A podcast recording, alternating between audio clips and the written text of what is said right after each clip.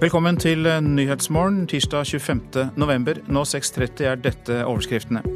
Politimannen som drepte tenåringen Michael Brown i Ferguson i USA, blir ikke tiltalt for drapet. Nå er det opptøyer i gatene. Barack Obama ber om at protestene må skje på en fredelig måte. There are Americans who agree with it, and there are Americans who are deeply disappointed, even angry. But I join Michael's parents in asking anyone who protests this decision to do so peacefully. Oljefondet øker stadig investeringene i selskaper som driver med utvinning eller bruk av kull. Utlendingsmyndighetene må få mindre makt og klarere regler for håndtering av asylbarn, mener advokat Arild Humlen. Forskjell etter ti års opphold har eh, da barn i Norge blitt nektet opphold og returnert til hjemlandet. Her i studio i dag, Øystein Heggen. Amerikansk politi bruker altså tåregass mot steinkastende demonstranter i Ferguson. Guvernøren i delstaten Missouri har erklært unntakstilstand. Folk protesterer mot beslutningen om å ikke tiltale politimannen Darren Wilson for å ha drept den svarte 18-åringen Michael Brown i august. First and, and foremost, I'd like to again extend my deepest sympathies to the family of Michael Brown. Så kom endelig avgjørelsen. Ingen tiltale mot politimannen som skjøt den svarte tenåringen Michael Brown. Flere hundre demonstranter var samla utenfor politistasjonen i Ferguson før kunngjøringa kom i natt. Og det tok ikke lang tid før reaksjonene kom. Først stein og flasker mot politiet. Så ble politibiler satt i brann og ramponerte. Politiet svarte med tåregass. Rasende demonstranter brøt seg inn i butikker og plyndra dem. Nasjonalgarden er utkommandert for å hjelpe politiet. President Barack Obama oppfordrer demonstrantene til å godta storjuryens avgjørelse. Utgangspunktet for det som har skjedd i natt, er altså at politiet skjøt og drap Michael Brown i august. Drapet utløste svært sterke reaksjoner. Spenninga har vært stor i byen før storjuryens avgjørelse skulle komme. Juryen kom til at politimannen verken skal tiltales for overlagt eller aktløst drap. Noe av grunnen til dette er ifølge statsadvokaten at flere av de opplysningene ulike vitner har kommet med, har vist seg ikke å stemme. Flere av vitnene har endra forklaringene sine. Familien til Michael Brown sier de er skuffa over avgjørelsen, men oppfordrer innbyggerne til å holde seg i ro. Eivind Molde var reporter her.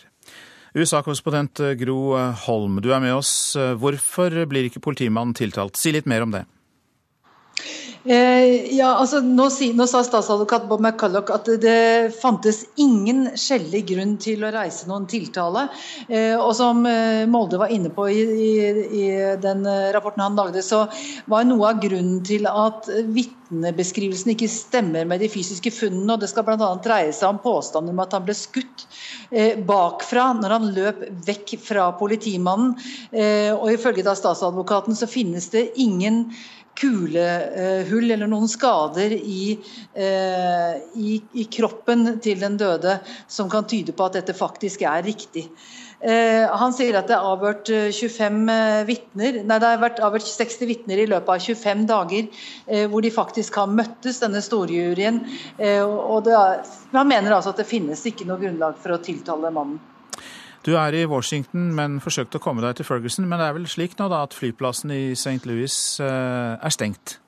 Jeg er faktisk i Chicago, for jeg Oi. hadde fløyet til Chicago og skulle videre til den siste og mindre biten fra Chicago til St. Louis. Og Vi satt om bord i flyet i en time og lurte på hvorfor i all verden eh, tar vi ikke av. Eh, og Så kommer da opplysningen om at vi tar ikke av pga. uroen eh, i området rundt flyplassen i St. Louis. Og eh, Flyvertinnene, kabinpersonalet, eh, slo opp eh, laptoper og iPader og fulgte med på Eh, på TV-kanalene via, via laptopene på hva som, hva som, foregår nå i eh, Ferguson. Og Dette har da sammenheng med det som skjer der, og unntakstilstand i Missouri, vil vi anta? Ja. Ja, flyplassen er stengt. Eh, den er stengt for all lufttrafikk inntil videre. Og det er uklart når den vil bli åpnet igjen. Så det vi gjør da, er at vi leier en bil og prøver å komme oss dit. Det er en femtimers kjøretur herfra. Har demonstranter og politi eh, vært forberedt eh, på at denne storjuryens avgjørelse kunne komme i dag? Ja, absolutt. Jeg har jo ventet med den nå i flere dager. og Det ble jo sagt da eh, på lørdag at de ville møtes igjen på mandag. Eh, og så droppet de igjen eh, De har sagt tidligere at de skulle la det gå 48 timer fra de hadde bestemt seg til det ble offentliggjort. Det droppet de da, for da ville de jo kollidere helt med den store høytiden her, nemlig thanksgiving, som eh, er på torsdag og folk begynner å reise ut på tirsdag eller onsdag. Så, eh, så derfor offentliggjorde den nå ganske umiddelbart etter avgjørelsen avgjørelsen.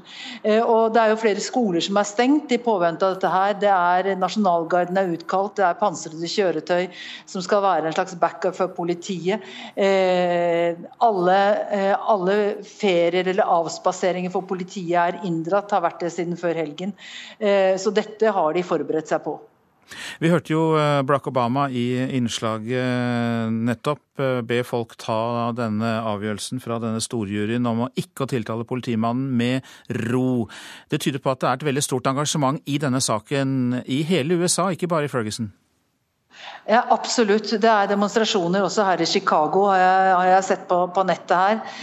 Riktignok ikke noe i nærheten av så dramatiske som i Ferguson. Det var varslet også demonstrasjoner i Atlanta, i, i Georgia eh, og i Washington DC, altså i hovedstaden. Og, eh, jeg tror vi kan vente at det blir demonstrasjoner i, i veldig mange av de større byene nå i dagene framover.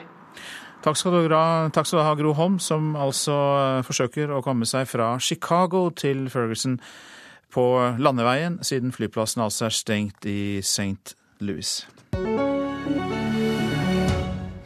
Kina skal modernisere sin industri, satse på fornybar energi og kutte i forbruket av kull.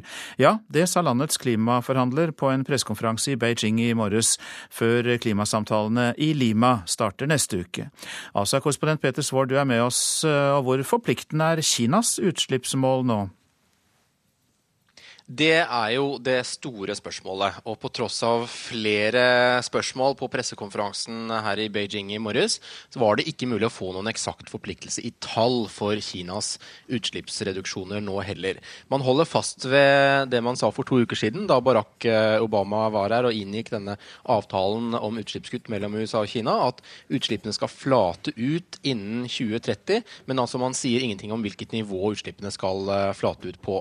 Og Eh, Che Xianhua, som er viseformann i Kinas kommisjon for nasjonal utvikling, argumenterte i dag med at det var for stor usikkerhet knyttet til eh, den økonomiske utviklingen her, til at det var realistisk å gi et eksakt eh, mål med to streker under, verken i tid eller i mengde. Kan Kina klare å kutte utslipp uten å miste sin økonomiske vekst, som er veldig viktig for landet, bl.a. for å få opp fattige i en bedre standard? Nei, og det er jo derfor disse klimaforhandlingene er så vanskelige. Fordi de også handler om en forhandling land imellom om fordelingen av eh, fremtidig økonomisk vekst. Og der Kina mener det er vestlige land som nå må kutte mer, og la Kina og andre utviklingsland komme gjennom sin industrialisering. Ehm, men det Kina sier de vil gjøre, er jo å prøve å balansere disse hensynene til vekst og miljø. Eh, de er villige til å akseptere en viss reduksjon i sin egen vekst for å minske utslippene og bedre miljøet. Og her er jo lederne, lederskapet i Beijing også under et dobbelt press, fordi eh, også deres egen befolkning er svært misfornøyd med den enorme luftforurensningen som Nord-Kina nå har opplevd i flere år, som preger folks daglige liv hver eneste dag, og som gir ganske store helsekonsekvenser. Her i Nyhetsmorgen skal vi fortsette å snakke om kullkraft snart. og Da er det jo eh, interessant å understreke at Kina fortsatt eh, vel bruker svært mye av den energikilden, Peter Svaar. Det gjør de, og de, de, har, de, de forsøker å, å, kutte i bruken av kullkraft. De bruker jo kull her både til elektrisitet og oppvarming, men også til tungindustri.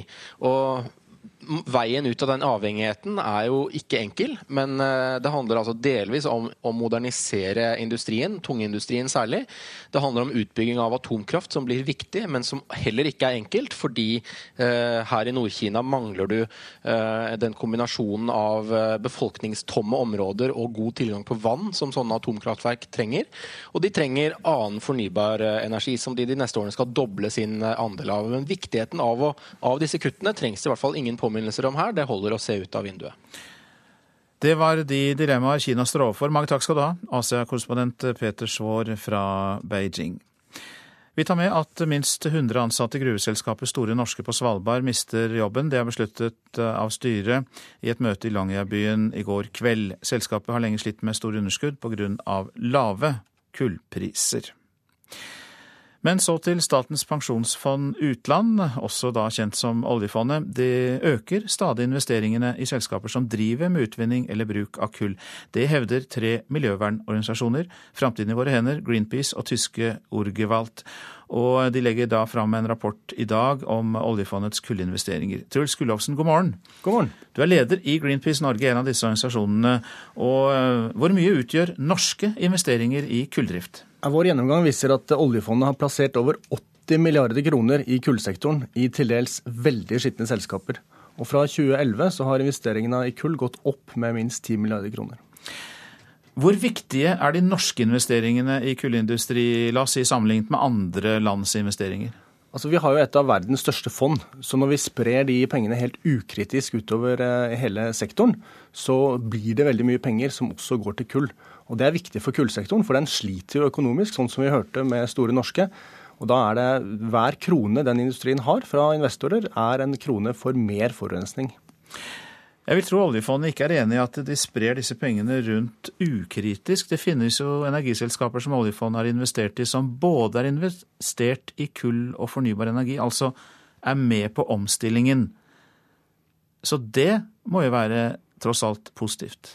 Altså Gjennomgangen viser faktisk at de har eh, spredd dette her nokså ukritisk. Eh, de er i de aller verste selskapene. De er i selskaper som bruker kull til å produsere bensin, gass og diesel til en ekstrem forurensningskostnad. De er i selskaper som Call India, som eh, har vanvittige menneskerettighetsbrudd. De er i selskaper som er tungt inne i tysk og polsk brunkull. Så dette er ganske dramatisk. Så er det klart at det om hvor man skal sette grensa, om man skal ha, akseptere en, en 30% andel kull, som, som, vi har satt som grense, eller om man skal sette høyere eller lavere grense, det er jo et, et, et, et skjønnsspørsmål. Men at man ikke kan akseptere selskaper som er så tungt inne i de verste formene for fossil energi i det norske oljefondet, hvis vi som land tar klimaet på alvor, det er ganske åpenbart. Ta oss gjennom uh, hvorfor dette er så forferdelig. Fordi kull har vi jo massevis av. Og uh, Kina f.eks. er helt avhengig av kull. Mange andre bedrifter er avhengig av kull for å få til den energien og de produktene de er ute etter. Hva er det som er så galt med det? Altså, Hvis verden skal løse klimautfordringen, så må mesteparten av de fossile ressursene bli i bakken. Og Av de fossile ressursene så er det kull som er mest forurensende. Og da er det helt, helt feil å bruke penger på selskaper som satser mer på å bruke kull, og som er avhengig av at kull blir en stor andel av verdens energiforsyning for å få lønnsomhet. Hva vil Greenpeace og de andre organisasjonene oppnå med denne rapporten, som jo er sterkt kritisk til eh, oljefondet? Målet er å vise hvor mye kull vi faktisk eier gjennom oljefondet, og vise hvordan man kan bli kvitt dette kullet på en fornuftig måte. Og Det viser at det er fullstendig gjørbart. Det er bare 158 av oljefondets nesten 9000 selskaper som eh, går som kullselskaper etter denne definisjonen. Eh, det utgjør 82 milliarder, forferdelig mye penger, men lite i forhold til hva hele oljefondet disponerer. Leder i Greenpeace Norge, Truls Gullåsen, takk for at du kom til studio. Og så legger vi til at Norges Bank ved oljefondet har fått tilbud om å komme til Nyhetsmorgen, men takket nei til det. Oljefondets kommunikasjonssjef Thomas Sevang sier imidlertid til NRK at fondet forvalter sine midler i henhold til de regler som er gitt av eh, Finansdepartementet. Så skal jeg ta for meg det avisene er eh, opptatt av. Og eh, en av sakene er for så vidt i forlengelsen av det vi nettopp snakket, snakket om. Aftenposten omtaler oljefondets investeringer i kull. Fondet oppgir selv at de har investert 2,5 milliarder kroner, mens miljøorganisasjonene, som vi nettopp har snakket med en av, hevder at kullinvesteringene er på hele 82 milliarder. Så eh, går vi til eh, Nasjonen. Et nei til pelsoppdrett koster over 7 milliarder kroner, kan vi lese der. Dersom pelsdyrmotstanderne får gjennomslag, blir det prisen samfunnet må betale oppdretterne som kompensasjon. Og Det er en rapport fra Norsk institutt for landbruksøkonomi som eh, viser det. Et absurd tall, det er svaret fra Dyrevernalliansen. Sosialdemokratiet har iført seg religionens kappe og griper inn i kirkerommet. Det sier den katolske presten Arild Pollestad. Vårt Land gjengir utdrag fra hans nye bok, der Pollestad skriver at det arrangeres en minnemarkering som svøper seg inn i høymessens drakt når ulykken er ute. Dette er ukvalifisert synsing, svarer en biskop fra Den norske kirke, nemlig Atle Sommerfelt. Økokrim må etterforske Telenor, sier korrupsjonsjeger Eva Jolie til Klassekampen. Deres eh, styremedlemmer i VimpelCom har et personlig ansvar og må ha, visst, må ha visst om utbetalingene som er knyttet til korrupsjonsmistanker i Usbekistan, mener Jolie. Tre norske ambassadetopper ble sexpresset av KGB, kan vi lese i Dagbladet. Det viser hemmelige PST-dokumenter fra 50- og 60-tallet som avisa har fått tilgang til. En av de ambassadeansatte skal ha skrevet under på at han ville hjelpe den sovjetiske etterretningsorganisasjonen med opplysninger.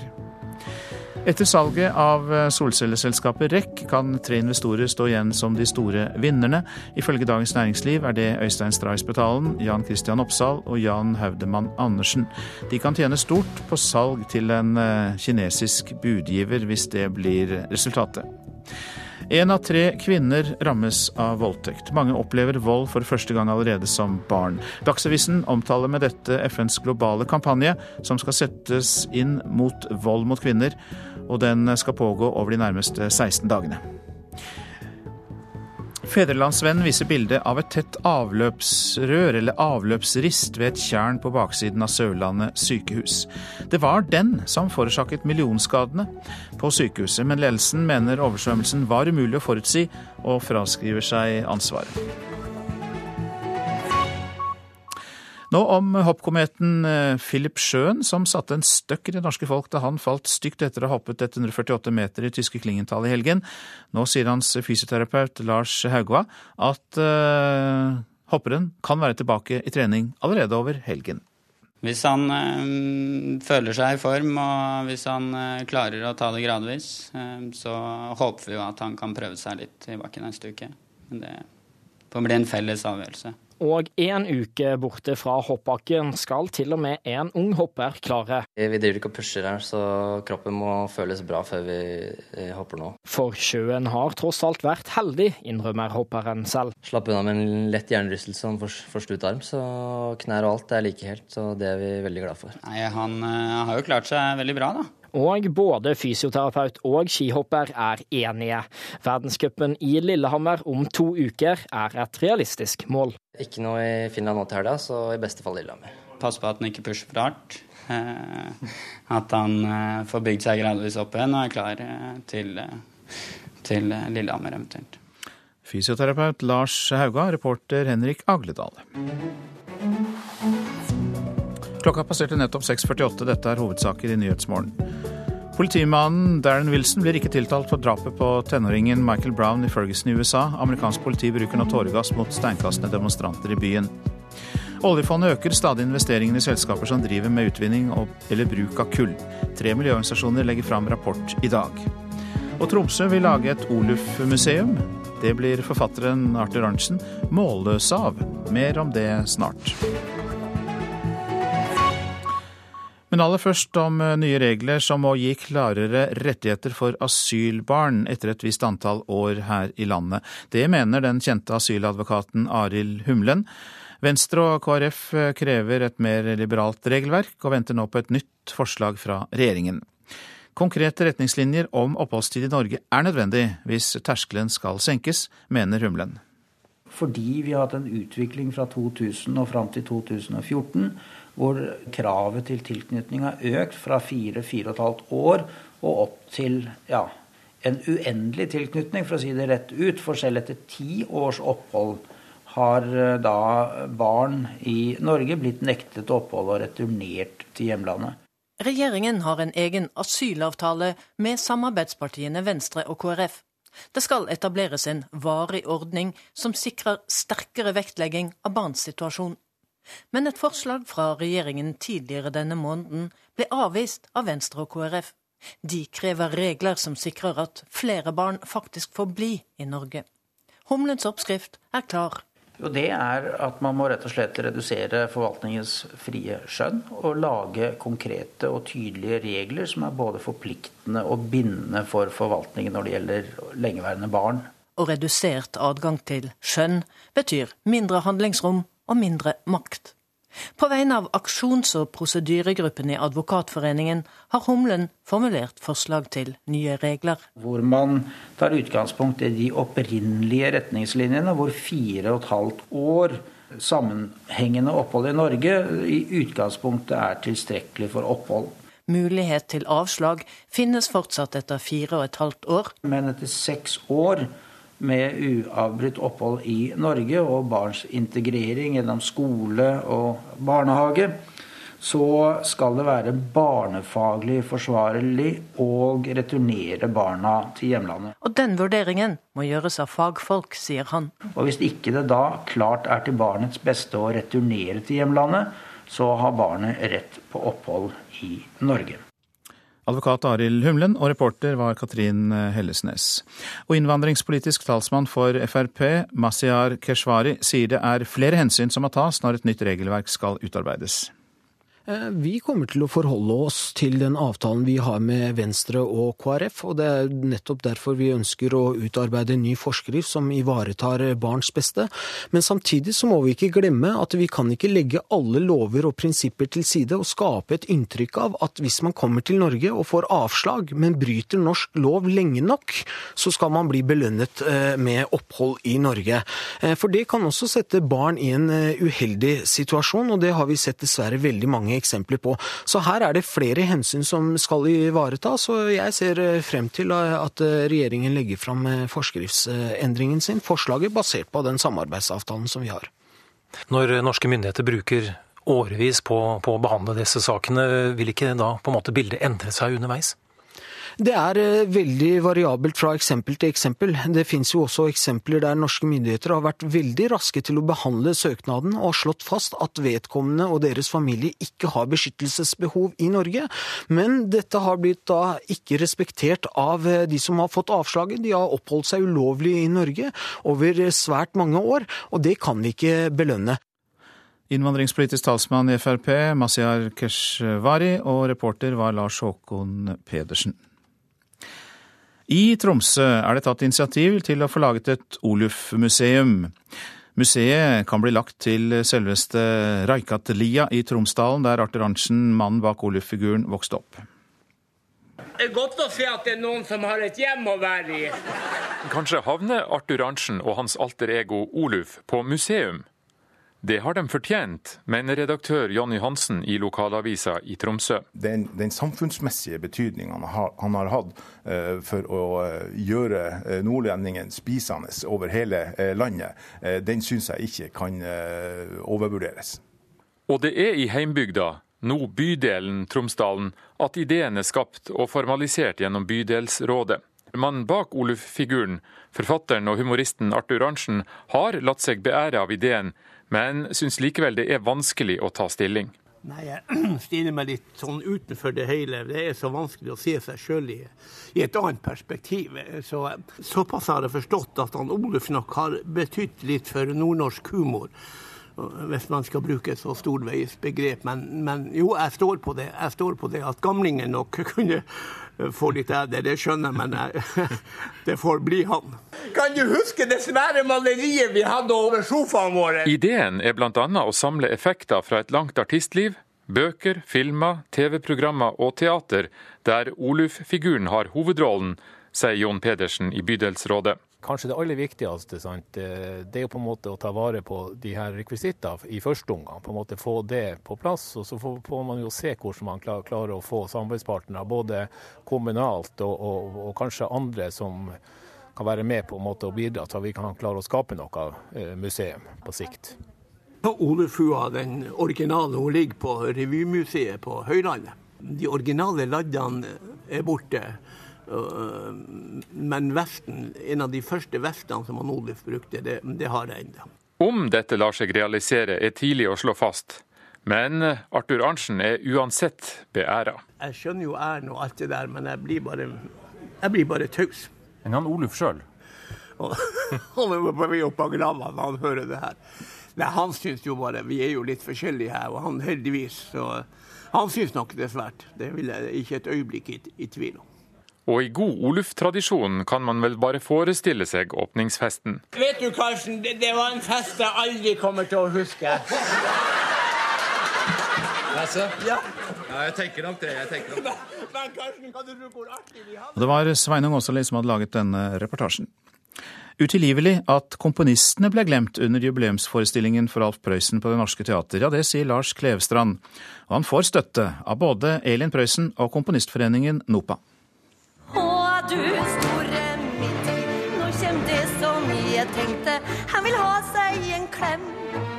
En av Alf Prøysens udødelige viser du kunne høre enten du satt i salen i Det Norske Teatret eller så TV-sendingen på NRK på søndag.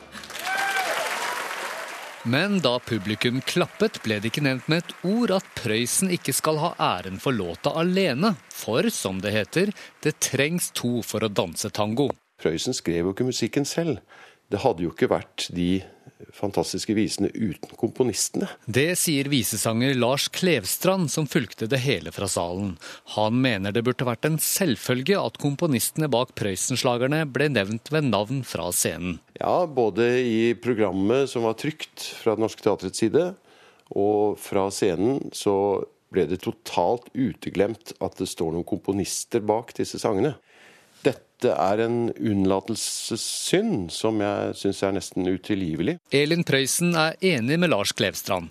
Hun mener faren ville reagert. Altså, han satte jo enorm pris på de komponistene som han samarbeida med, og han sa jo også det at det var jo utrolig hva en god komponist som f.eks. Bjarne Amdal kunne, kunne tilføre ei vise.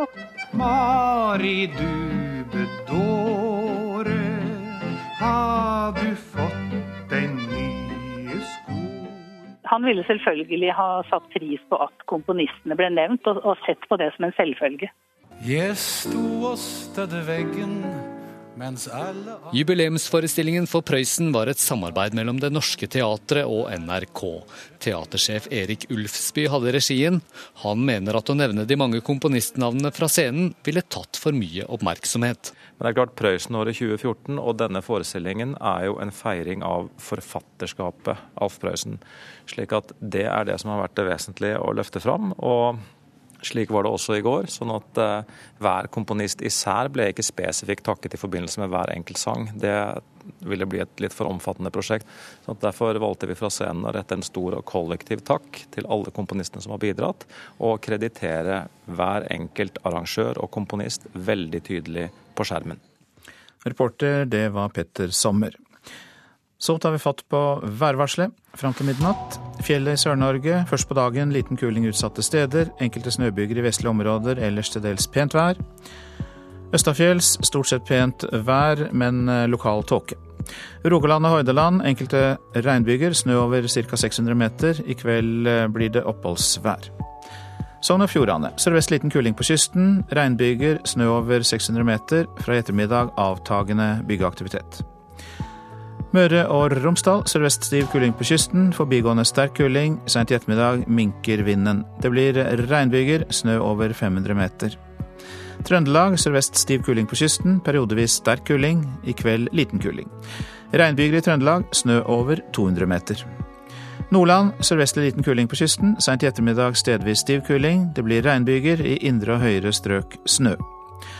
Troms sørøstlig liten kuling utsatte steder. Oppholdsvær. Mot kvelden sørvestlig periodevis stiv kuling på kysten. Da blir det også litt regn eller sludd vest for Lyngsalpan. Finnmark liten kuling i utsatte fjordstrøk og oppholdsvær. Nordensjøland på Spitsbergen litt snø. Temperaturer målt klokka fire. Svalbard lufthavn minus tre. Kirkenes minus ni. Alta minus tre. Tromsø minus én. Bodø pluss fem. Brønnøysund fire. Trondheim-Værnes seks. Molde sju. Bergen, Stavanger og Kristiansand alle med seks grader. Gardermoen null. Lillehammer minus to. Røros én grad, og det samme på Oslo-Blindern. Én grad klokka fire i natt.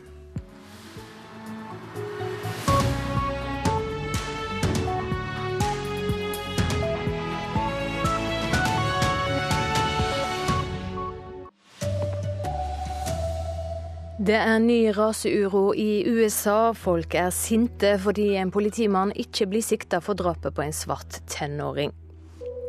Stopp de norske pengene til sykehuset som behandler IS-krigere. Det ber initiativtakeren til hjelpeprosjektet. Her er NRK Dagsnytt klokka sju. I USA bruker politiet nå tåregass mot steinkastende demonstranter i byen Ferguson i delstaten Missouri. Folk har gått ut i gatene for å protestere mot påtalemakta si avgjerd i natt om ikke å ta ut tiltale mot politimannen som skjøt en svart tenåring. Ifølge statsadvokaten stemmer ikke vitneskildringene med de faktiske funnene, og det er årsaka til at politimannen ikke blir sikta. Det forteller vår korrespondent Gro Holm. Det skal bl.a. dreie seg om påstanden om at han ble skutt eh, bakfra når han løp vekk fra politimannen. Eh, og Ifølge da statsadvokaten så finnes det ingen kulehull eller noen skader i, i, i kroppen til den døde som kan tyde på at dette faktisk er riktig. Eh, han sier at det er avhørt 60 vitner i løpet av 25 dager, eh, hvor de faktisk har møttes, denne storjuryen. Eh, og er, han mener altså at det finnes ikke noe grunnlag for å tiltale mannen. Og Flyplassen i St. Louis er stengt, skolene i området er også stengte, og Nasjonalgarden er henta inn. Norge bør kutte hele pengestøtta til et syrisk sykehus som behandler IS-krigere. Det mener mannen som tok initiativ til at Norge skulle være med og finansiere sykehuset. Det norske hjelpeprosjektet starta opp i fjor, men nå sier flere kilder til NRK at de ekstreme islamistene i IS har tatt kontroll over sykehuset. Det må få konsekvenser for den norske støtta, sier initiativtaker Mohammed Allah Saleh sivile får ikke nok tjeneste i, i sykehuset. De fleste som får tjeneste, er ISIS-krigere. De kontrollerer sykehuset. De bruker sykehuset for deres fordel. Jeg mener at norsk penger må kuttes. Og Korkje Utenriksdepartementet eller hjelpeorganisasjonen Norvak ønsker å kommentere påstandene i dag. Leder i Norvak, Erik Fosse, sa i går kveld at de vil undersøke saka nærere. Minst 100 ansatte i gruveselskapet Store Norske på Svalbard mista jobben. Det avgjorde styret i selskapet i et møte i Longyearbyen i går kveld. Selskapet har lenge slitt med store underskudd pga. lave kålpriser. Det var eh, NRK Dagsnytt i studio, Silje Sande. Nyhetsmorgen fortsetter med mer om protestene mot at politimannen som drepte tenåringen Michael Brown i Ferguson i USA, ikke blir tiltalt for drapet. Gå på nett og se hvordan klimaet blir der du bor. Nytt nettverktøy kan gjøre deg forberedt. Nå snakker den russiske nasjonalisten som startet opptøyene øst i Ukraina. Jeg trykket på avtrekkeren, sier Igor Girkin. Og vi skal høre at eh, mange elbiler trenger veihjelp. Amerikansk politi bruker altså tåregass mot steinkastende demonstranter i eh, Ferguson i Missouri. Guvernøren i delstaten har erklært unntakstilstand. Folk protesterer mot beslutningen om ikke å tiltale politimannen Darren Wilson for å ha drept den svarte 18-åringen Michael Brown i august. No probable cause exists to file any charge against Officer Wilson and return a no true bill on each of the five indictments. Så kom endelig avgjørelsen. Ingen tiltale mot politimannen som skjøt den svarte tenåringen Michael Brown. Flere hundre demonstranter var samla utenfor politistasjonen i Ferguson før kunngjøringa kom i natt. Og det tok ikke lang tid før reaksjonene kom. Først stein og flasker mot politiet, så ble politibiler satt i brann og ramponerte. Politiet svarte med tåregass. Rasende demonstranter brøt seg inn i butikker og plyndra dem. Nasjonalgarden er utkommandert for å hjelpe politiet. President Barack Obama oppfordrer demonstrantene til å godta storjuryens avgjørelse. Michael's parents in asking anyone who protests this decision to do so peacefully. Utgangspunktet for det som har skjedd i natt, er altså at politiet skjøt og drap Michael Brown i august. Drapet utløste svært sterke reaksjoner. Spenninga har vært stor i byen før storjuryens avgjørelse skulle komme. Juryen kom til at politimannen verken skal tiltales for overlagt eller aktløst drap. Noe av grunnen til dette er ifølge statsadvokaten at flere av de opplysningene ulike vitner har kommet med, har vist seg ikke å stemme. Flere av vitnene har endra forklaringene sine. Familien til Michael Brown sier de er skuffa over avgjørelsen, men oppfordrer innbyggerne til å holde seg i ro. Reporter eh, Eivind Molde. Og USA-korrespondent Gro Holm utdyper hva som ligger til grunn for juryens avgjørelse. Hun gjorde det da jeg snakket med henne for kort tid siden. Nå, si, nå, sa statsadvokat Bob McCulloch at det fantes ingen skjellig grunn til å reise noen tiltale.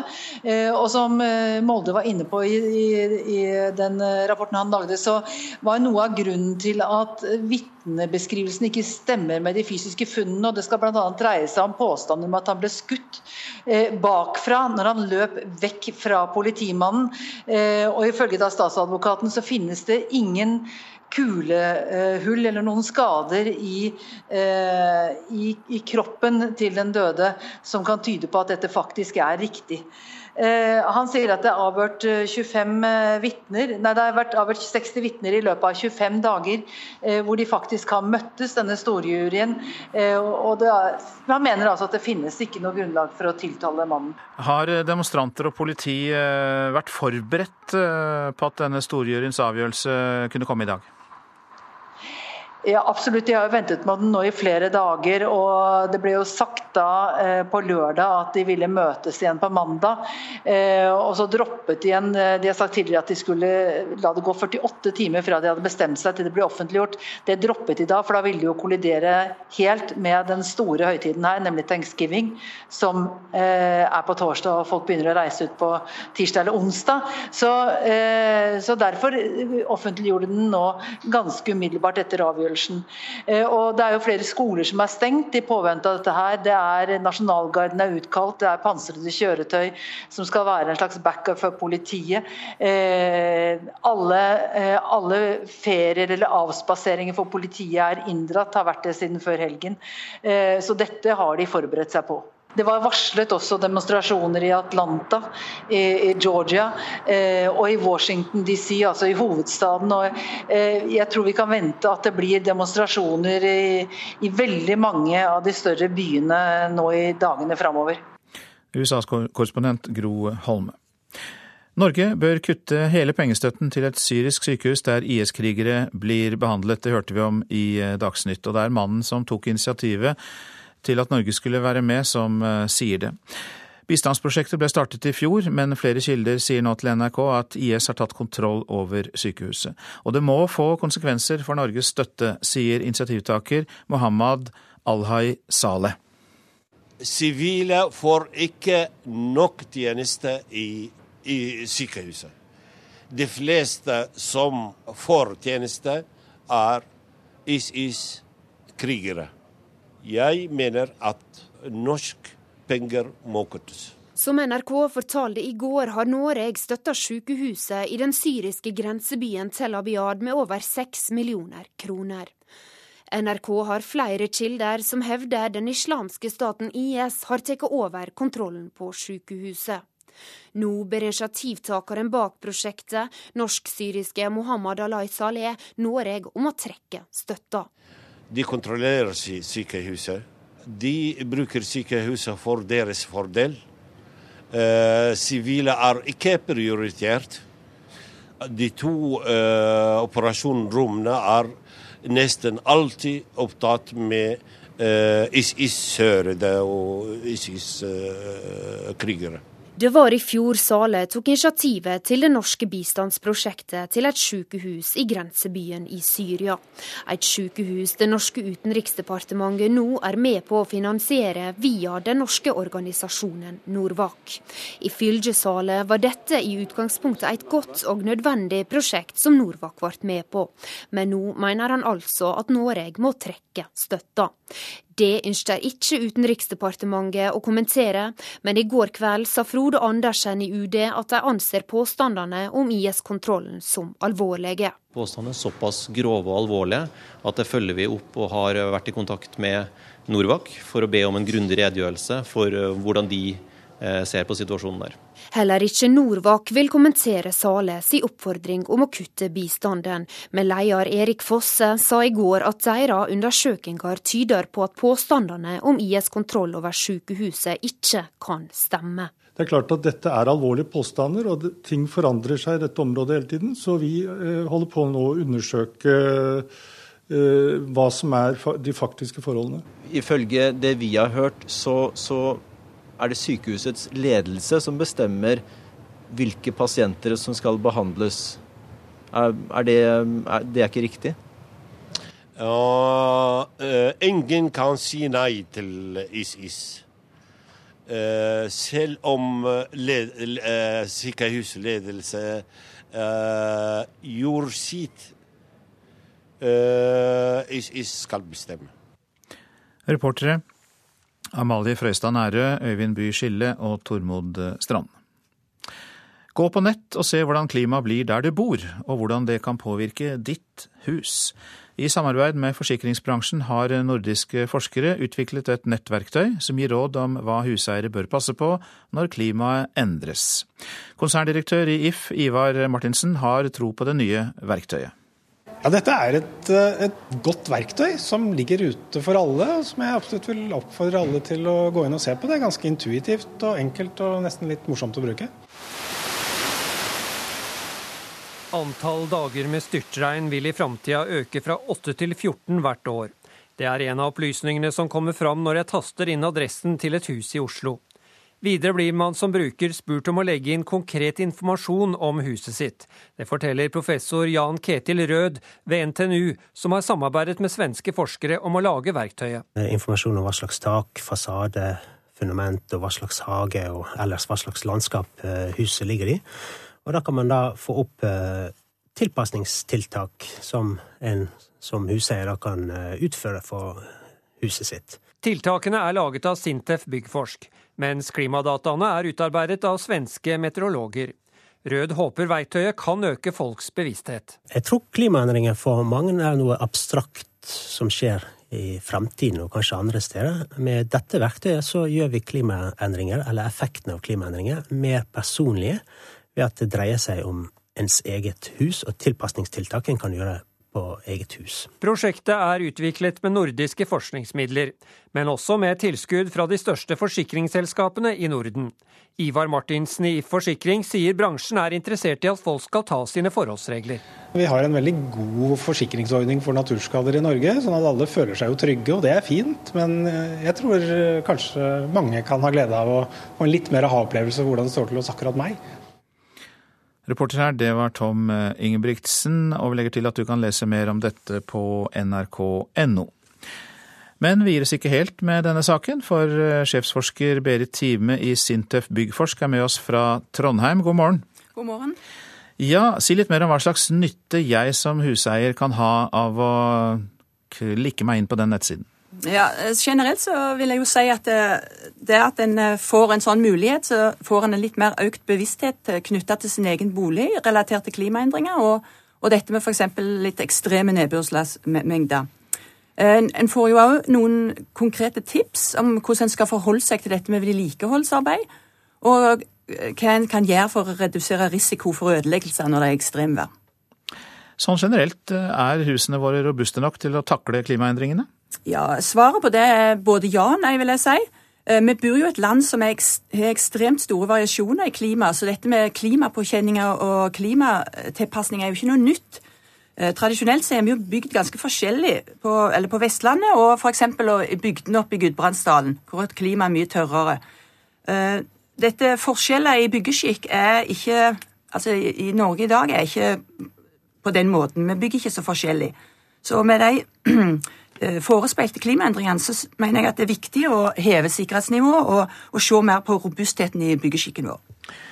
Gi meg noen tips om hva jeg bør gå hjem og tenke på da, når det gjelder vedlikehold av boligen min. Ja, eh, Et mildere og fuktigere klima det vil jo gi større utfordringer med dette med begroing på, på tak og fasader på bolig. Og en vil òg kunne oppleve økt risiko for råte. Så en må være obs på de tingene der. Og bor du i et hus som er laga altså med med byggemateriale, altså takstein, mur og betong, mer porøse material, så må en være obs på dette med at vi får flere temperaturvekslinger rundt null grader nå, og det påvirker frostbelastningen på, på den type material. Så, så, et økt fokus på, rundt dette med bygningsvedlikehold i årene som kommer, det er viktig. Da kan betongen sprenge opp, eller sprekke opp pga. at det skifter temperatur? Ja, den får flere sånn frostbelastninger, og, så det stiller krav til bestandigheten til betongen. Mm. Hva med store vannmasser, å ta unna disse vannmassene? Blir, blir det også viktig å tenke på for mange av oss? Eh, ja, det, det å holde eh, riste og ja, holde, holde det hva skal jeg si, eh, ryddig rundt deg, sånn at vannet klarer å renne av, det, det må en være obs på. Du har akkurat blitt leder av et nytt forskningssenter for klimatilpasning av bygdemiljø. og Eh, er det andre byggematerialer som dere i, eh, i det senteret vil anbefale? Eh, når det gjelder byggemateriale, så altså, Vi bruker jo tradisjonelle byggematerialer, og det har vi jo gjort, gjort i Norge. Og de har vi måttet bruke der så klimaet er ekstremt, for sånn er det i Norge.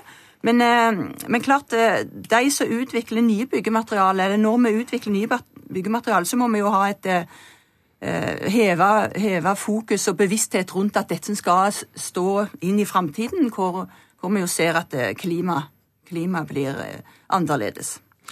Takk skal du ha, Berit Time i Sintef Byggforsk. Og så legger vi til at du på nrk.no altså kan lese mer om dette nettstedet, der du kan få opplysninger om klimaendringer der du bor. Klokka har passert 7.16. Vi har disse hovedsakene. Politimannen Darren Wilson blir ikke tiltalt for drapet på tenåringen Michael Brown i Ferguson i USA. Amerikansk politi bruker tåregass mot steinkastende demonstranter. Norge bør kutte hele pengestøtten til et syrisk sykehus der IS-krigere blir behandlet. Det sier mannen som ba Norge finansiere sykehuset. Og eh, nytt nettverktøy, altså. Viser hvordan klimaendringene vil slå ut hos deg akkurat der du bor. En russisk nasjonalist sier at han sammen med titalls frivillige var de som startet krigen øst i Ukraina i vår. Igor Girkin, som er bedre kjent under sitt krigernavn Strelkov, eller Skytteren, kommer nå med nye opplysninger om det som har utviklet seg til den verste krisen i Europa. Dette er Igor Girkin, eller Igor Strelkov som han er best kjent som. Den 44 år gamle russiske nasjonalisten og offiseren som er blitt en slags folkehelt i Russland, og ettersøkt for mord og vold i Ukraina. Igor Strelkov har i høst gitt flere intervjuer til russisk TV om hva som skjedde da han i begynnelsen av april i år tok kontroll over den ukrainske byen Slavjansk, og senere utnevnte seg til forsvarsminister for Folkerepublikken Danetsk. Граждане Донецкой Народной Республики.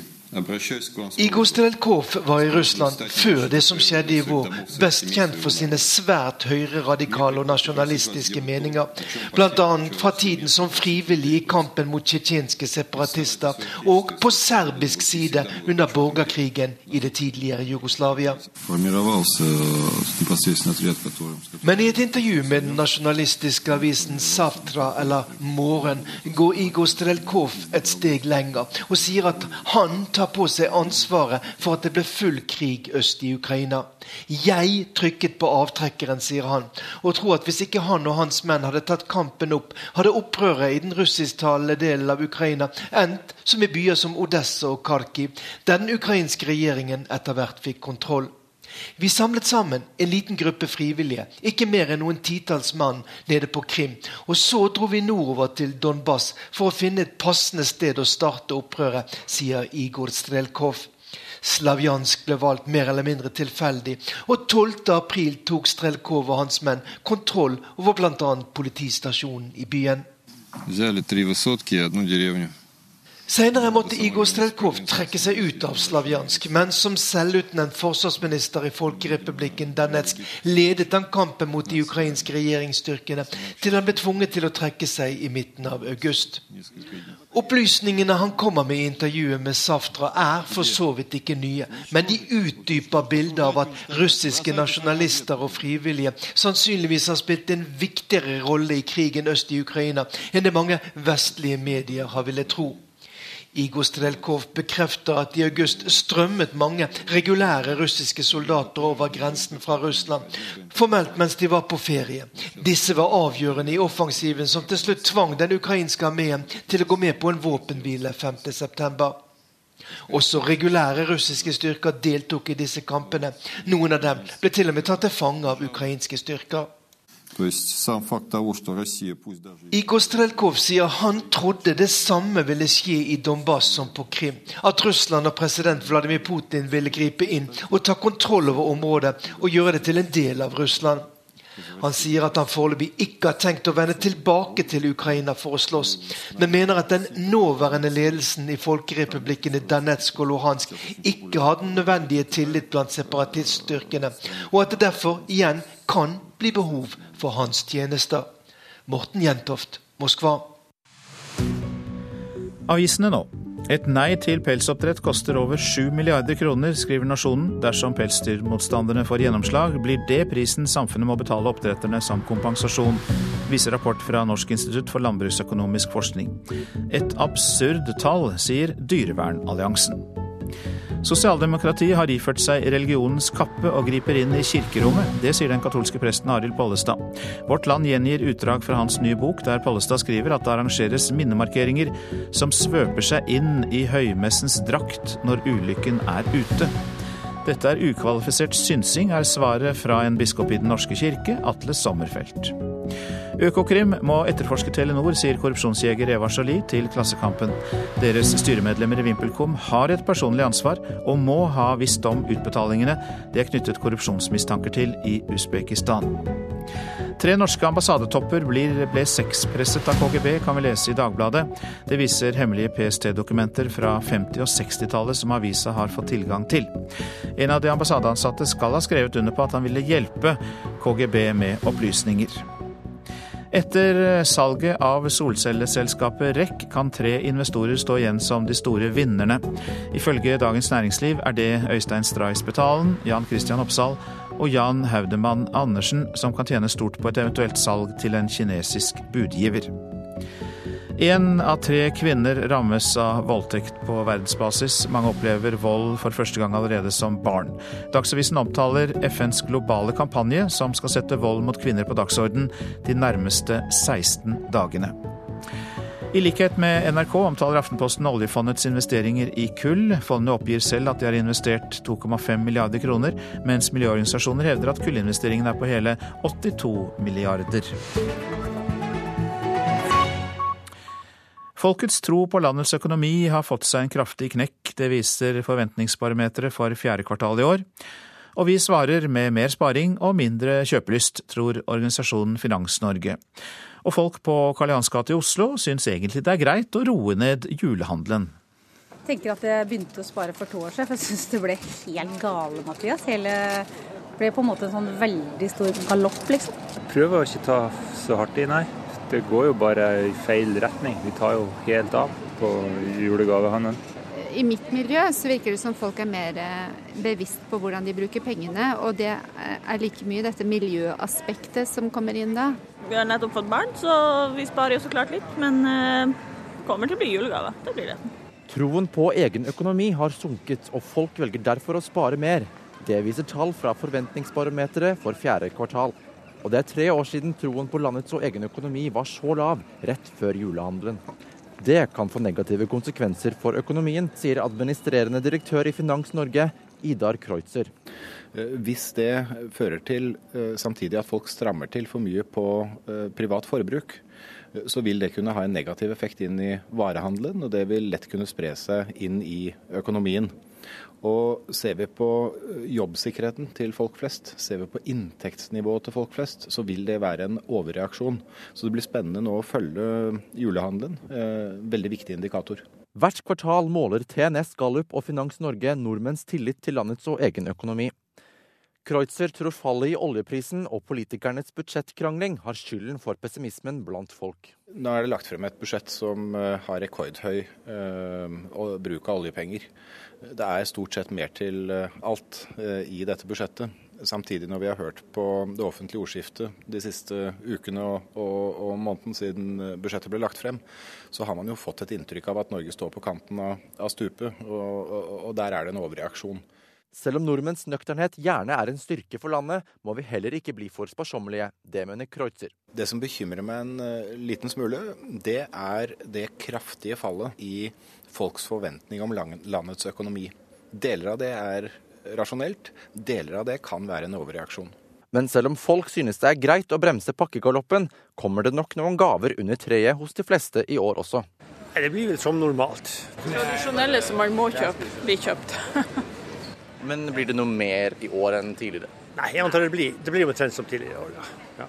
Og alle er egentlig blide, hvis de bare får noe som er litt mer gjennomtenkt. Og da det, betyr det ikke så veldig mye hva det koster hele tida. Reportere her Hedvig Bjørgum og Knut Arne Oseid. Det blir ingen flyplassstreik i Nord-Norge. Partene, altså Luftfartens funksjonærforening og NHO Luftfart, ble enige i natt, flere timer på overtid. 680 flyplassansatte hos SAS og Widerøe kunne ha gått til streik dersom det ikke hadde blitt enighet i natt. Stadig oftere må redningsselskapene ut på veiene for å slepe elbiler. Selv om det er flere elbiler enn før, så mener Viking i Stavanger at elbilene er overrepresentert i redningsstatistikken. Jeg tipper vi kjører røftlig rundt 600 elbiler i året nå her i Stavanger. Her er Viking Stavanger. Viking redningstjeneste får stadig oftere telefoner fra engstelige elbilsjåfører som frykter de har for lite strøm. Rekkeviddeangsten slår gjerne inn rett før en undersjøisk tunnel, forteller daglig leder Lars Martin Nesheim i Viking i Stavanger. For de ser at de, de har jo måler som viser hva rekkevidde, og, og den rekkeviddeangsten den gjør gjerne at de ringer før det. For Det pleier gjerne å gå godt mens det er varmt og godt ute, og så blir det litt kaldere, og da krymper lengden litt. og Da må vi hjelpe dem til nærmeste ladestasjon. Det er jo stor forskjell på biltypene med rekkevidde, og, og rekkevidden er jo det som går på en vanlig dag med 10 plussgrader og, og fint føre. Og så hiver du i to-tre passasjerer og litt bagasje, og så er det litt kaldere ute, så krymper jo rekkevidden. Og eh, det er jo ikke alle som tar høyde for. Men ikke bare ladeangst som får elbilsjåførene til å ringe. Elbiler har òg en fersk teknologi, og går noe galt, så er det bedre å komme seg til verksted enn å skru sjøl. Ja, Det er jo alltid elektrisk feil, da. Eh, vi jo de, vi kan jo ikke med de sjøl heller. Vi vet hvordan vi sleper de, og så er det inn til merkeforhandler. Og da har det jo gjerne mye vært ladeproblemer, som vi ser mest av. Og så har det jo òg vært litt feil med spenningen i de privathusene som de kobler seg til. Hvis du, På din venstre side her så er det fire sånne små knapper. Jeg bare lener meg litt over deg her. Mm. skal du se. Her har du restprosent av faktisk batteriverdi. ikke sant? Mikael Helgevold gir en strykser før han skal selge nok en elbil. Bilselgeren hos Olger Auto sier det er viktig at ferske elbilsjåfører får en skikkelig opplæring før de triller ut på veien. Det er viktig at vi tar en ordentlig gjennomgang og, og på en måte lære kundene hva som er mest mulig korrekt bruk. Ja, de som får problemer ute, da er det det rett og slett at de ikke har satt seg nok inn i det, at de ikke har lært det godt nok? Det kan selvfølgelig være forskjellige årsaker til dette, her, men basert på hvis det i utgangspunktet går på trygghet rundt dette, rundt rekkevidde, så vil jeg påstå at det har med at, at gjennomgangen ved eventuelt henterbil, eller når de har kjøpt seg denne her bilen, at det kanskje ikke har vært nøye nok. Er det litt sånn òg, får du et litt problem med, med, med, en elbil, så er det gjerne greit òg å bli, bli henta inn til verksted. Det, det, er ikke akkurat noe å klatre med, med sjøl. Det må vi svare ja på. Det er ikke noe du begynner å, det er ikke noe du begynner å skru på sjøl, med mindre du har, eh, du har rette rette utdanningen og, og, kompetansen som skal til. Så selv om folk etter hvert lærer mer om bruk av disse nye bilene, så må nok redningsselskapene regne med en del telefoner framover fra folk som kjører miljøvennlig. Samtlige elbilmerker har òg avtale med redningsselskapene, om ikke alle så lukrative som den som Tesla-eierne har med Viking, forteller Lars Martin Nesheim. Ja, Tesla vet hvordan de vil ha det. Og Der går det på at eh, uniform på sjåføren og kranbilen det skal være rent. Eh, hvis kunden er tyst, så skal han ha vann, og er han sulten, så skal han få seg en hamburger. Og eh, bilen blir ikke bare sluppet til verksted, den blir også sluppet fra verksted og hjem til der kunden bor. Og der blir leiebilen henta og bringt tilbake til Tesla. Ja, det var Øystein Elliksen som fortalte siste nytt om eh, elbilene. Det er eh, Vidar Eidhammer som er produsent for Nyhetsmorgen i dag. Her i studio Øystein eh, Heggen. I reportasjen etter Dagsnytt kan du bli med vår reporter og tygge folkerusmiddelet katt i Jemen. Og i Politisk kvarter får du høre mer om det alternative statsbudsjettet til Miljøpartiet De Grønne.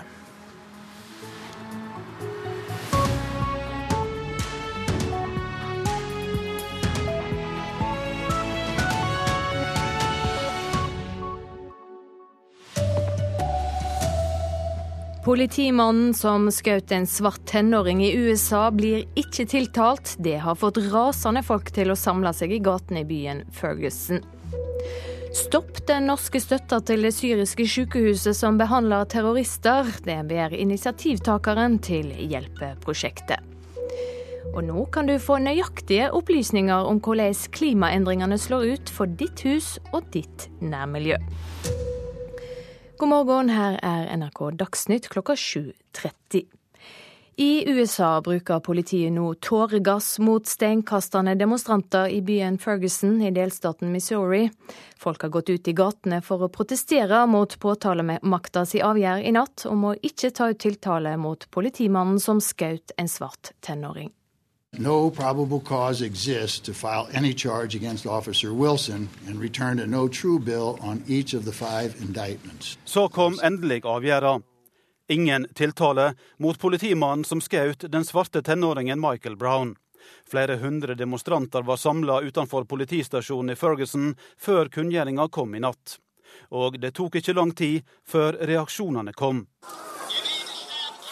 Først stein og flasker mot politiet, så ble politibiler satt i brann og ramponerte. Politiet svarte med tåregass. Rasende demonstranter brøt seg inn i butikker og plyndra dem. Nasjonalgarden er utkommandert for å hjelpe politiet. President Barack Obama oppfordra demonstrantene til å godta storjuryens avgjørelse. Michael's parents in asking anyone who protests this decision to do so peacefully. Utgangspunktet for det som har skjedd i natt, er altså at politiet skjøt og drap Michael Brown i august. Spenninga har vært stor i byen før storjuryens avgjørelse skulle komme. Juryen kom til at politimannen verken skal tiltales for overlagt eller aktløst drap. Noe av grunnen til dette er ifølge statsadvokaten at flere av de opplysningene ulike vitner har kommet med, har vist seg ikke å stemme. Flere av vitnene har endra forklaringene sine. Reporter Eivind Molde.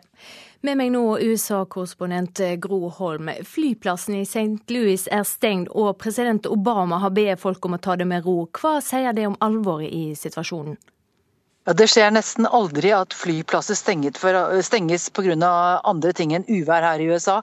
Så det er jo veldig dramatisk. Og det at både Barack Obama og familien til den drepte Michael Brown har oppfordret til å eh, demonstrere rolig, mens eh, mange da faktisk ikke gjør det, eh, det sier jo litt om alvoret. Og det er helt uklart hvordan denne situasjonen nå utvikler seg. Politi og nasjonalgarde har altså ikke vært nok til å forhindre dette i å skje. Ja, hva kan vi vente oss videre? Eh, ja, eh, Det spørs jo hvor eh, mye makt myndighetene er villige til å ta i bruk. Hvis dette fortsetter utover i morgentimene, så er det jo mulig at de kommer til å sette inn soldatene fra Nasjonalgarden. Og da tror jeg nok, hvis de virkelig vil sette makt bak det, at de vil klare å stanse demonstrasjonene. Men det vil jo igjen kunne komme til en meget høy pris. Og det spørs om politiet og myndighetene er villige til å risikere det. Takk skal du ha, Gro Holm. Norge bør kutte hele pengestøtta til et syrisk sykehus der IS-krigere får behandling. Det mener mannen som tok initiativ til at Norge skulle være med og finansiere sykehuset.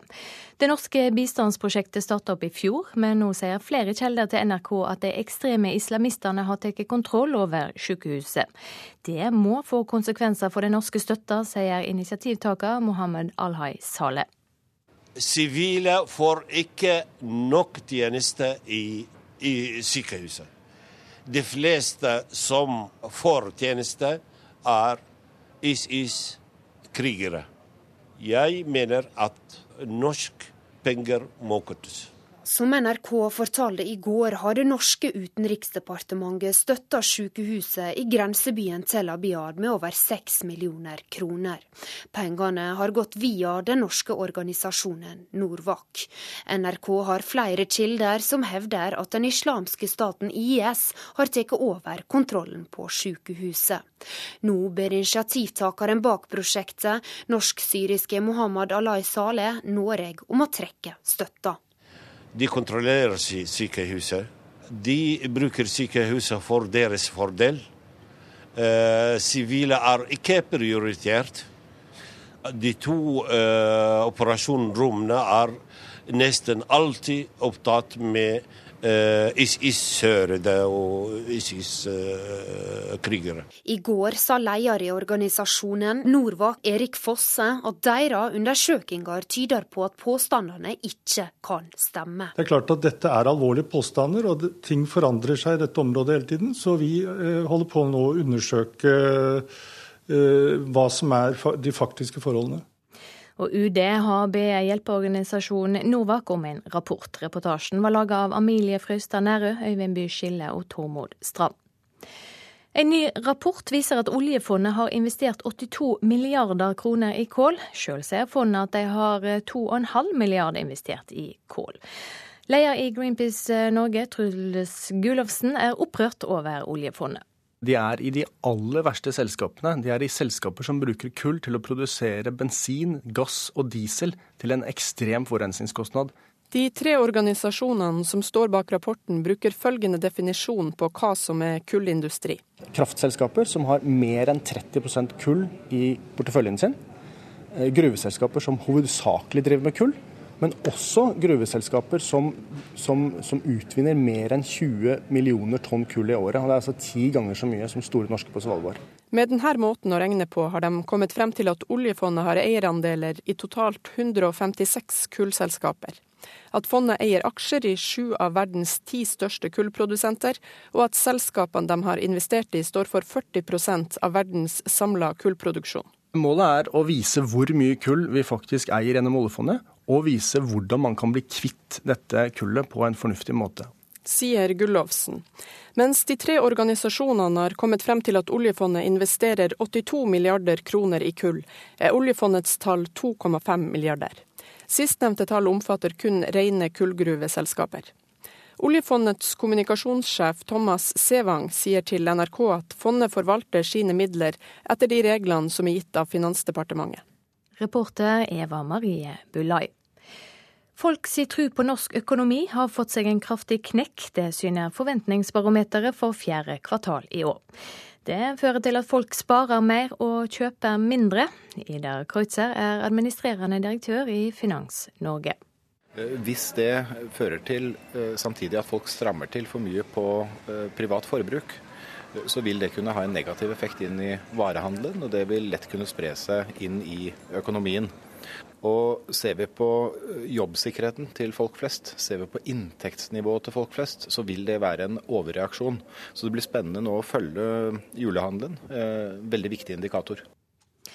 Nå kan du sjekke hvordan klimaendringer vil slå ut for huset ditt og området der du bor. I samarbeid med forsikringsbransjen har nordiske forskere utvikla et nettverktøy som gir råd om hva huseiere bør passe på når klimaet endrer seg. Konserndirektør i If Forsikring, Ivar Martinsen, har tro på det nye verktøyet. Ja, Dette er et, et, godt verktøy som ligger ute for alle, og som jeg absolutt vil oppfordre alle til å gå inn og se på. Det er ganske intuitivt og enkelt og nesten litt morsomt å bruke. Antall dager med styrtregn vil i framtida øke fra 8 til 14 hvert år. Det er en av opplysningene som kommer fram når jeg taster inn adressen til et hus i Oslo. Videre blir man som bruker spurt om å legge inn konkret informasjon om huset sitt. Det forteller professor Jan Ketil Rød ved NTNU, som har samarbeidet med svenske forskere om å lage verktøyet. Informasjon om hva slags tak, fasade, fundament og hva slags hage og ellers hva slags landskap huset ligger i. Og da kan man da få opp tilpasningstiltak som en som huseier kan utføre for huset sitt. Tiltakene er laget av Sintef Byggforsk, mens klimadataene er utarbeidet av svenske meteorologer. Jeg tror klimaendringer for mange er noe abstrakt som skjer i fremtiden og kanskje andre steder. Med dette verktøyet så gjør vi klimaendringer, eller effekten av klimaendringer, mer personlige. Prosjektet er utviklet med nordiske forskningsmidler, men også med tilskudd fra de største forsikringsselskapene i Norden. Ivar Martinsen i Forsikring sier bransjen er interessert i at folk skal ta sine forholdsregler. Jeg tror kanskje mange kan ha glede av å få en litt mer aha-opplevelse av hvordan det står til hos akkurat meg. Ja, vil du sjekke dette sjøl, så kan du gå inn på visadapt.info. Også eh, kan du lese mer om dette på nrk.no. Reporter Tom Ingebrigtsen. Ansvarlig for eh, denne sendinga Sven Gullvåg, teknisk ansvarlig Lars Tronsmoen, i studio Silje Sande.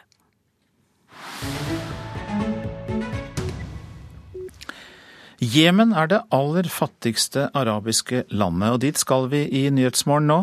Der er folkerusmiddelet de grønne bladene som blir kalt katt, men rusmiddelet er i ferd med å tørke ut Jemen, og bivirkningene er mange. Raymond Lidahl rapporterer. Det er fredag, en helligdag for Jemens nesten utelukkende muslimske befolkning og dermed er Eiman kledd i sin hviteste kjortel som går ned til anklene, ei elegant dressjakke og et brodert sjal. Vi kjører til en av de mange gatmarkedene i hovedstaden Sanaa. Vi skal ha bra saker, bra grønne blad. Gi oss en pose, sier Eiman til den mildeste katselgeren vi finner. Det er viktig å tenke på pris og hva type kat du vil ha, forteller han. Om du vil sove senere på kvelden eller ikke.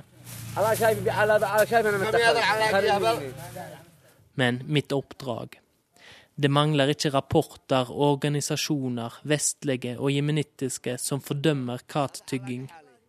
Det kan beviselig føre til munnkreft, søvnløse, impotens, og kattdyrkinga tar 60% av vannet i denne hovedstaden, som innen 2020 går tom for nettopp vann. Så hvorfor holder tygginga fram, hva er det som lokker? Vi har kjøpt vår pose med de skarpgrønne bladene i, og vi kjører mot vår tyggestad. Katen er fra Hamdan, nord for Sanna. Den er bra, lover Eiman.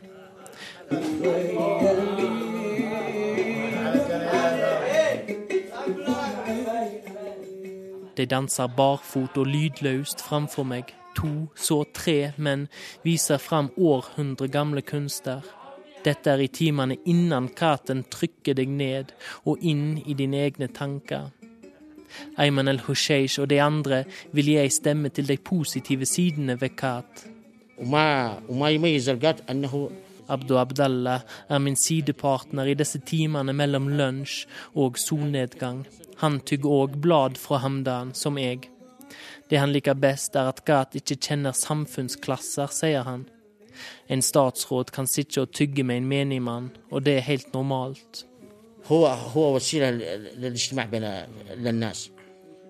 Han forteller at GAT samler mennesker, at GAT er et sosialt bindemiddel og et demokratisk verktøy.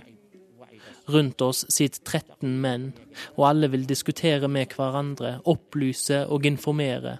Ingen GAT, ingen debatt.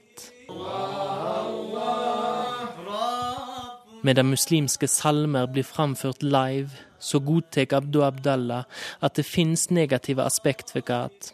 At når 70% av Jemens befolkning, kvinner og menn, tygger GAT daglig, så har det ringvirkninger i samfunnet, økonomiske og sosiale. Han oppmoder folk til måtehold. Al-GAT,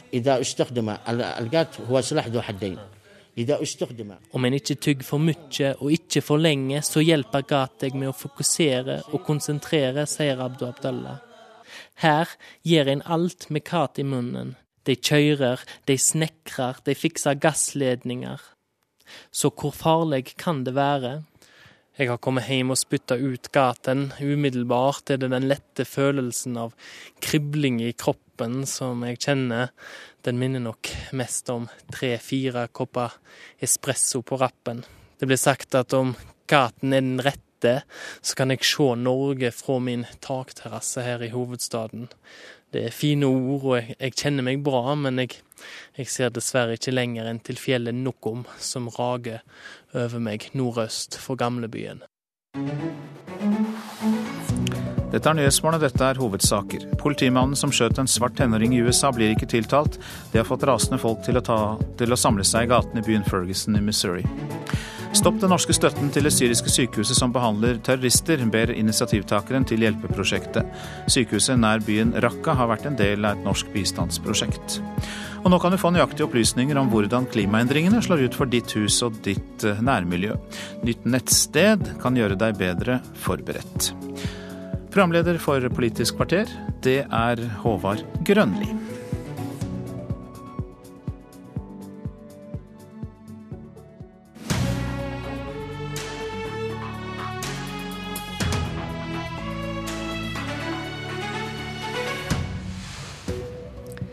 Kan Miljøpartiet De Grønne fortsette å insistere på at de verken er på rød eller blå side av politikken, når de legger opp til 38 milliarder i skatteskjerping?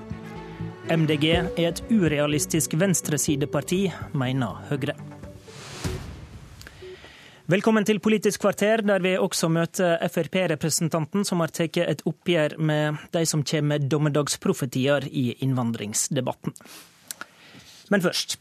I går fikk vi det siste alternative budsjettet på bordet. Det var Miljøpartiet De Grønne sitt. Og til de som irriterer seg over at norske parti er for like, så kan vi vel nøytralt slå fast at MDG representerer iallfall et litt annerledes alternativ. Velkommen hit, stortingsrepresentant Rasmus Hansson. Takk for det.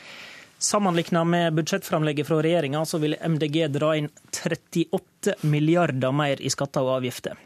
Hva skal dere skattlegge hardere? Det vi skal skattlegge hardere, er eh, først og fremst eh, miljøfiendtlig forbruk og miljøfiendtlige varer. Eh, og så kommer vi til å ta inn noe mer skatt fra de høyeste inntektsgruppene, mens vi letter skatten på de laveste inntektsgruppene. Og pengene de skal vi bruke til det vi må bruke penger på i det norske samfunnet, nemlig investere i det grønne skiftet som Erna Solberg snakker entusiastisk om når hun er i form. Eh, og som vi alle vet vi må inn i. Et samfunn hvor vi lever av eh, bærekraftig næringsliv, og hvor samfunnene, lokalsamfunnene våre er organisert på en bærekraftig måte. Det koster penger. Vi må investere de pengene, og vi gjør det i en helt annen skala enn det andre partier gjør, fordi vi er nødt til å komme i gang. Eh, og Sammenligningsgrunnlaget er altså eh, årets statsbudsjett eh, fra Høyre og kompani, som bruker pengene på å investere i mer oljevirksomhet, mer motorveier og mer generelt miljøfiendtlig forbruk. Og Det er det vi må ut av. Og det er det vi bruker penger til. Og så er det viktig å huske på at... Og For å gi et annet sammenligningsgrunnlag, så skjerper Arbeiderpartiet skattene med 10 milliarder i forhold til regjeringen sitt. Ja. Dere tar 38. Dere gir økt toppskatt til en verdi av 15 milliarder. 10 milliarder inn i økt flyseteavgifter og 4 milliarder inn i økt elavgift, f.eks. Du rokker ved privatøkonomien til ganske mange norske familier med det her. Eh, å dra ned forbruket eh, gjennomsnittlig i Norge er både fornuftig og nødvendig, og det er veldig mange klar over. Vi lever i en eh, forbruksspiral de siste 15-20 åra i Norge som alle vet at ikke kan fortsette, som ikke er sunt for norsk økonomi.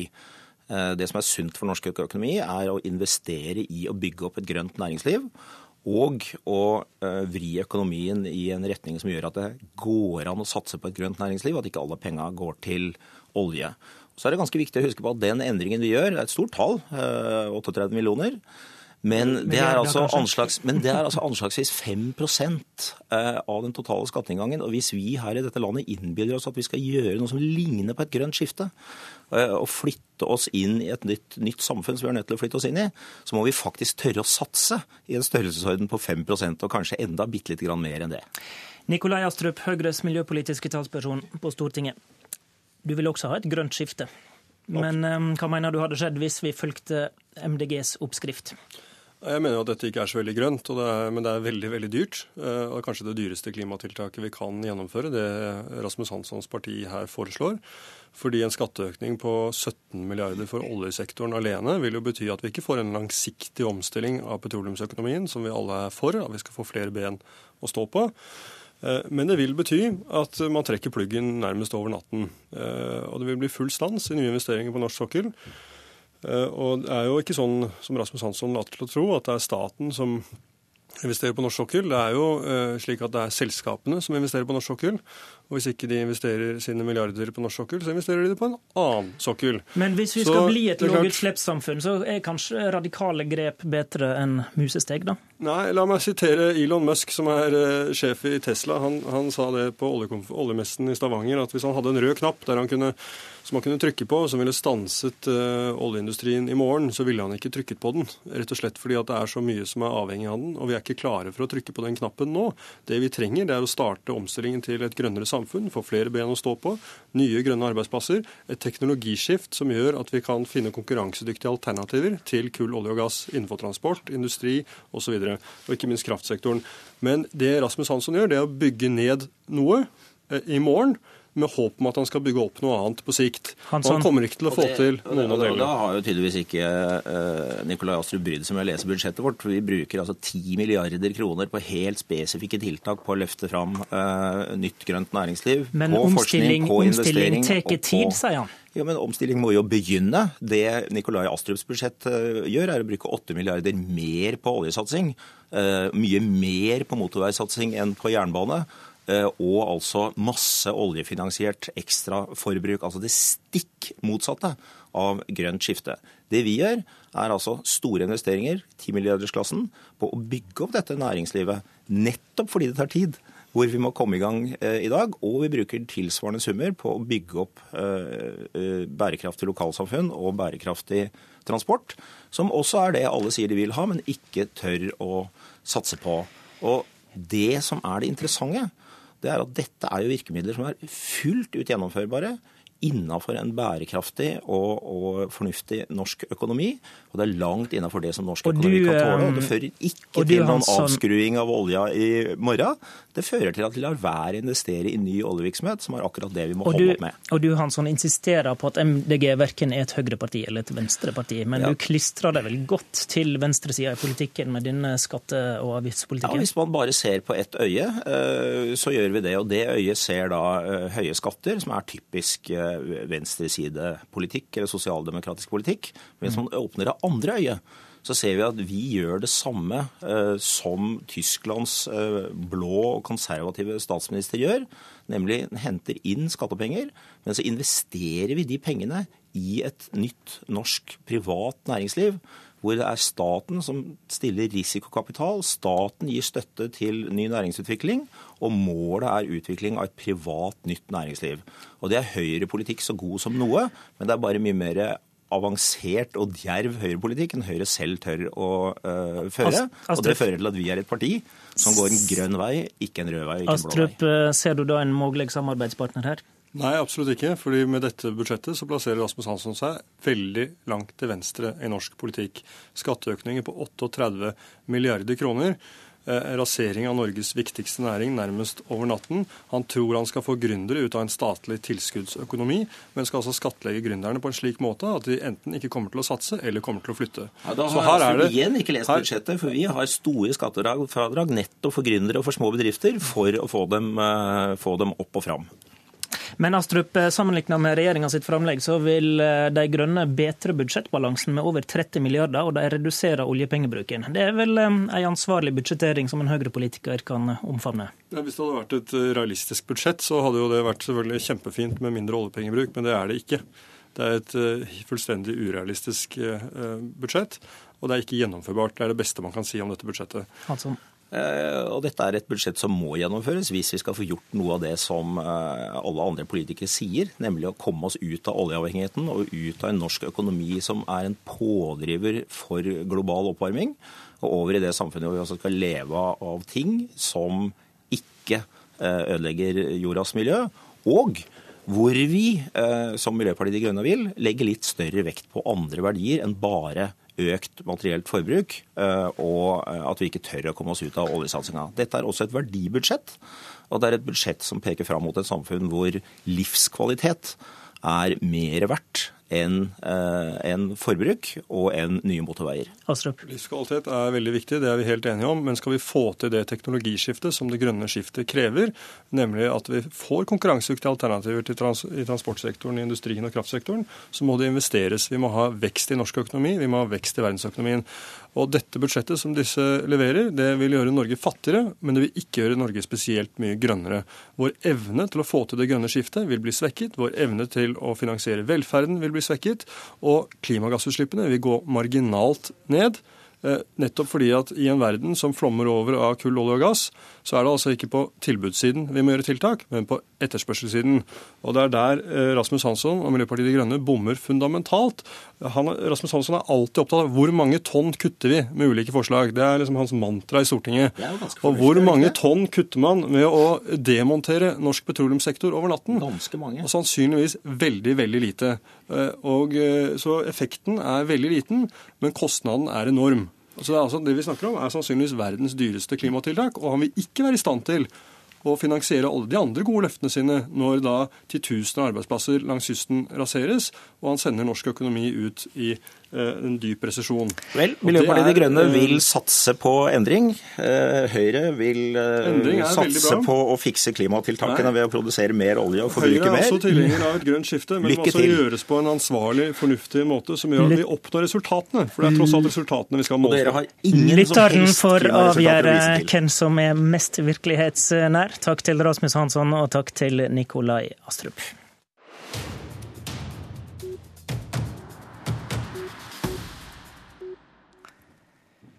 Før helga tok FrPs utenrikspolitiske talsmann Kristian Norheim bladet fra munnen.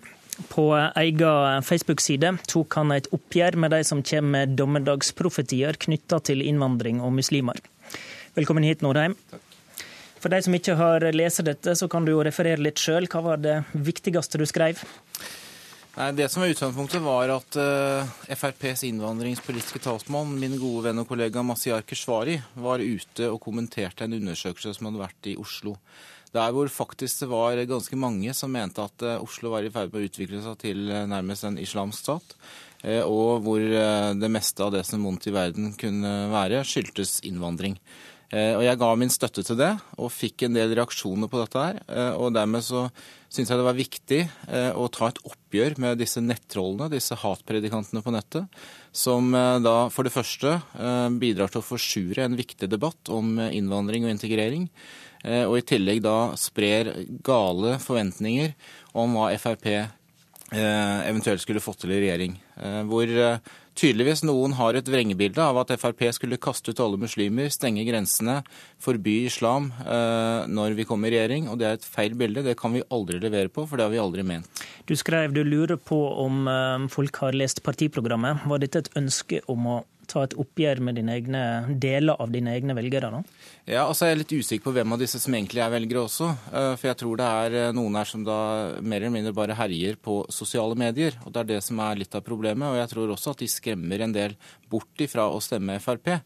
Eh, jeg tror ikke de er så mange, men de lager mye støy, og de forsurer en viktig debatt. Jeg er også for en restriktiv innvandringspolitikk, som Frp har. Dette er jo et forsvar for FrPs innvandringspolitikk, men det er også et, et, en bønn om en bedre, et bedre klima i debatten. Eh, hvor jeg ber også folk om å eh, roe seg ned litt i debatten eh, og holde tilbake karakteristikkene, sånn at vi får en skikkelig debatt og ikke ødelegger debatten ved å, å spre hat. Det er ikke så lenge siden vi hadde din navnebror og partikollega Christian Tybring-Gjedde her, og han sammenligna samfunnet vårt med Titanic, at vi er et skip på vei mot katastrofen pga. innvandringa. Ønskte du også å sette på plass den typen retorikk, da? Nei, altså eh, jeg har ikke noe ønske om å, å, å, delta i en debatt mot min gode kollega Christian Tybring-Gjedde. Dette er ikke et angrep på han eller andre i partiet, men dette er et angrep på disse nettrollene der ute som, eh, som sprer en retorikk eh, og, og deltar i en debatt som jeg tror ødelegger debatten. Men eh, det er klart det finnes nyanser mellom meg og Christian Tybring-Gjedde. Det gjør det. Men kan nettopp ditt parti ha gjødsla jorda, gjort at slike holdninger og ytringer som du kritiserer nå, kan få spire og gro? Jeg tror alle har et ansvar, eh, men jeg tror ikke Frp Tvert imot tror jeg Frp kan, skal ha en del av æren for at vi har eh, holdt en ryddig debatt om innvandring og integrering. Eh, men det er klart at eh, det finnes noen der ute som eh, vil forsøple den debatten. Og det gjør man da hvis man da setter sterke karakteristikker på folk. Jeg har sett folk som har karakterisert politiske motstandere som Josef Goebbels og, og Herman Göring og nazister og sånt noe. Er du redd for at dere kan tiltrekke dere de ekstreme holdningene, da? Eh, nei, det er jeg ikke redd for i det hele tatt. Men det er derfor jeg på en måte, det er et varsku, og hvor jeg sier fra at dette er ikke det Frp står for. Det tror jeg de aller, aller fleste vet eh, at Frp ikke står for. Frp har en innvandringspolitikk som er restriktiv og ansvarlig, men vi eh, skal ikke, og vi gjør heller ikke, bidrar til en hatretorikk og en dårlig debattklima. Takk til Kristian Nordheim, det var Politisk kvarter.